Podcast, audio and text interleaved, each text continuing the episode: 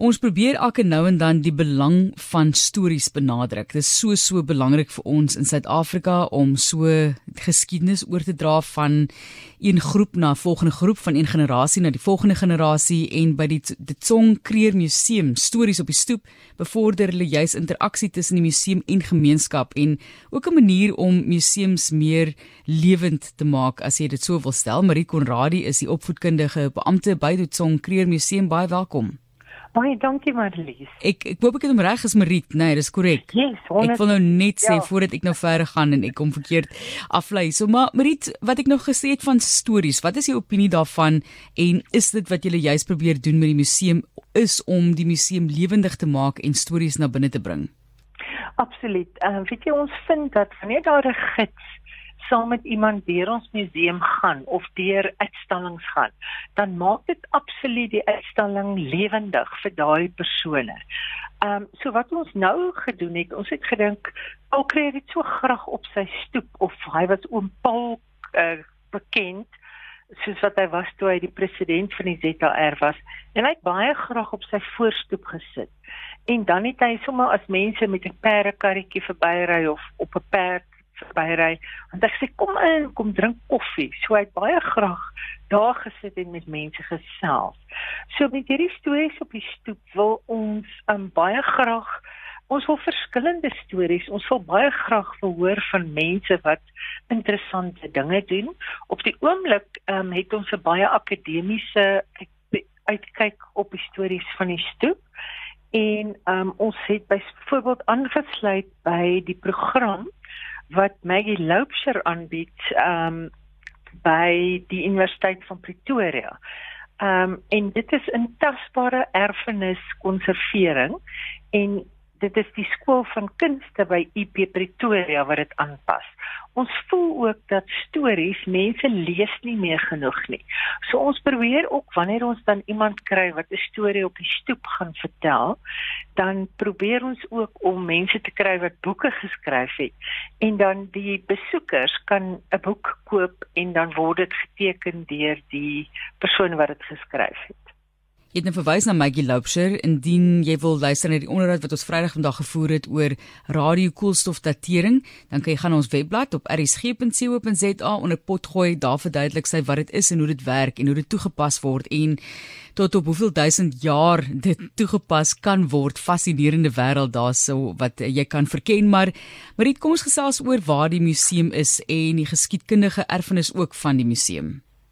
100%. Die museum is geleë in die ou Kerkstraat. Ek wil maar sê 3 blokke wes van Kerkplein, maar dan weet almal waar dit is. Vandag word dit WF Nkomo straat genoem. En ingang is eintlik maar uit die ou Potgieterstraat. As mense stoepstories wil bywoon, kan hulle by Kreerkerk, dit is reg oor kan die museum, kan hulle daar parkeer, daar's veilige parkering en daar's 'n elektroniese hek. Al wat hulle moet doen is breek stilhou en daar's 'n knoppie aan die regterkant. Knoppie druk en dan sal iemand vir hulle oopmaak en ook weer as hulle wil wil uitgaan dan kan hulle daar uitgaan. Nou die storie op die stoep môre wat deur um Maggie Loubser aangebied word, vind plaas um om ons het om 2 uur 'n rondleiding van die museum en dan om 3 uur sal Maggie meer vertel oor die aanwending van radiokoolstofdatering. So interessant. Uh, so gaan sy 'n paar voorbeelde seker ook vir julle uitwys. En ons ja, interessante stories. Ja ja ja, absoluut. Ehm um, ek wil net sê dat sy miskien net 'n vinnige agtergrond gee. Ehm um, sy is in 2019 is sy deur Universiteit Pretoria ehm um, sy is eintlik gehandpick ehm um, om hierdie pos aan te bied um, om vir mense wat geesteswetenskappe agtergrond het meer te leer oor kwalitatiewe en kwantitatiewe ehm um, erfenis kolleksies wat nog nooit op hierdie manier onthul is nie. So een van die navorsingsfokuspunte in die kursus is om 'n database op te bou van die wesenlikheid van Suid-Afrikaanse kunstenaars omdat ons niks van hierdie aard in Suid-Afrika het nie. En ehm um, ons het ook geen database en daarom is ons baie vatbaar vir die toenemende vloed van vervalste kunswerke ehm um, wat op die mark is. Ehm um, yes, en dan kan ek sê ehm um, deur die akademiese opleidingsprogramme word daar dan uh, tegnieke en vrae soos die identifikasieprogram van spesifieke leerartikels. Glas byvoorbeeld wat gekleur word deur um, uranium of deur parysgroen. Ehm um, ek kan ook net noem dat ek self doen hierdie kursus en ek het byvoorbeeld muurpapier agtergekom dat in Engeland was daar Shields Green wat geweldig baie arsenic ehm um, skies wat dit nou in Afrikaans arseen arseen wat baie arseen be, be, bevat het. En dit kan jy ook deur hierdie koolstofdatering bepaal. En daar was daar ook koper in die muurpapier en dit het baie mense doodgemaak. Nou ehm um, en dan met hierdie stories op die stoep gaan Maggie ehm um, vir ons sê wat is die probleme wat sy ervaar want jy weet dit is nie baie keer baie maklik um, om hierdie uh, koolstofdatering te doen nie. Ehm um, maar die afgelope 3 jaar het hulle gekonsentreer op drie kunstenaars. Anton van Wouw se bronsbeelde en Lucky Sibaya se polychrom houtvoorwerpe of beelde en dan Alexis Preller se skilderye. Dit is interessant as mens kyk na wie die storievertellers is en hoe wyd 'n mens kan gaan met storievertelling. En partykeer is dit 'n persoon wat die inligting natuurlik in hierdie geval soos bytjie byvoorbeeld weergee van geskiedkundige stories wat deur daardie datering gedoen word. Ja, absoluut. Ek wil net sê ons het eintlik die idee so 'n bietjie gesteel. In Denemarke het hulle begin deur in biblioteke. Het hulle mense laat sit, uh, jy weet, so in 'n in 'n hoekie. En dan mense was noodwendig aangetrek in tradisionele drag. En dan kon enige persoon van die publiek wat nou 'n boek wou uitneem of wat ook al met die persone gesels, gratis en verniet. En dan na die persoon se storie wat ook al sy storie is of dit 'n akademiese en of dit net 'n storie is oor sy lewe. En um dit ons en dit is eintlik hoe ons gekom het aan die idee van stories op die stoep. En omdat Paul Creer so graag op sy stoep gesit het, het ons gesê nou maar goed, kom ons doen hierdie. Ehm um, jy het my gevra oor die geskiedenis van die Kreer Museum. Kreer Museum is in 1884 gebou en dit was of eintlik voltooi in 1884 en Paul Kreer en sy vrou Gesina en hulle jongste seun Chart het dan in die huis ingetrek en hy daar 16 jaar gebly. Ehm um, hy was ook vir 16 jaar ehm um, die president van die ZAR. Hy is 4 keer verkies en in 1900 het hy land verlaat omdat dit die boere Anglo-boere oorlog of die Suid-Afrikaanse oorlog was en toe het hy nooit weer teruggekom nie. Sy vrou was oud en sieklik.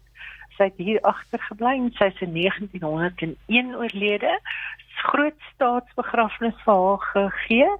Um, en sy is in die Heldeakker begrawe. En Paul Kreer se liggaam, toe hy nou dood is in Switserland in 1904, is sy liggaam gebalsem in Den Haag en sy liggaam is toe in 'n kus gesit en dit het met 'n skip na Kaapstad, die Batavia 6 het dit na Kaapstad toe gegaan en van daar af het sy kus uh, met sy lijk in van Kaapstad af tot hier in Pretoria gekom en hy het in die Susanna saal het hy in stasie gelê vir basies 3 weke. Dit is um so drie blokke van die museum af, maar ongelukkig bestaan die Susanna saal nie meer nie. En toe het, het hy 'n baie groot staatsbegrafnis gekry um in 1904 op 16 Desember 1904. Hulle vermoed so 15000 mense was by sy begrafnis en hy is dan langs sy vrou ook begrawe in die Heldeakker. Ons gesels met Marie Konradi, sy is die opvoedkundige beampte by Die Tsong Kreer Museum en die Die Tsong Museums van Suid-Afrika bestaan uit 8 museums, almal in Gauteng en daardie area. En ons kyk na die museum stories op die stoep waar hulle die interaksie tussen ons as die gemeenskap en die museum self wil bevorder. Baie interessante gesprekke wat gevoer gaan word. Ek het ook 'n SMS hierso gekry van iemand wat sê in Aliwal Noord is daar 'n paar jaar gelede 'n night at the museum aangehou. Mense kon die museum besoek en ons het ook uitgery na die konsentrasiekampe.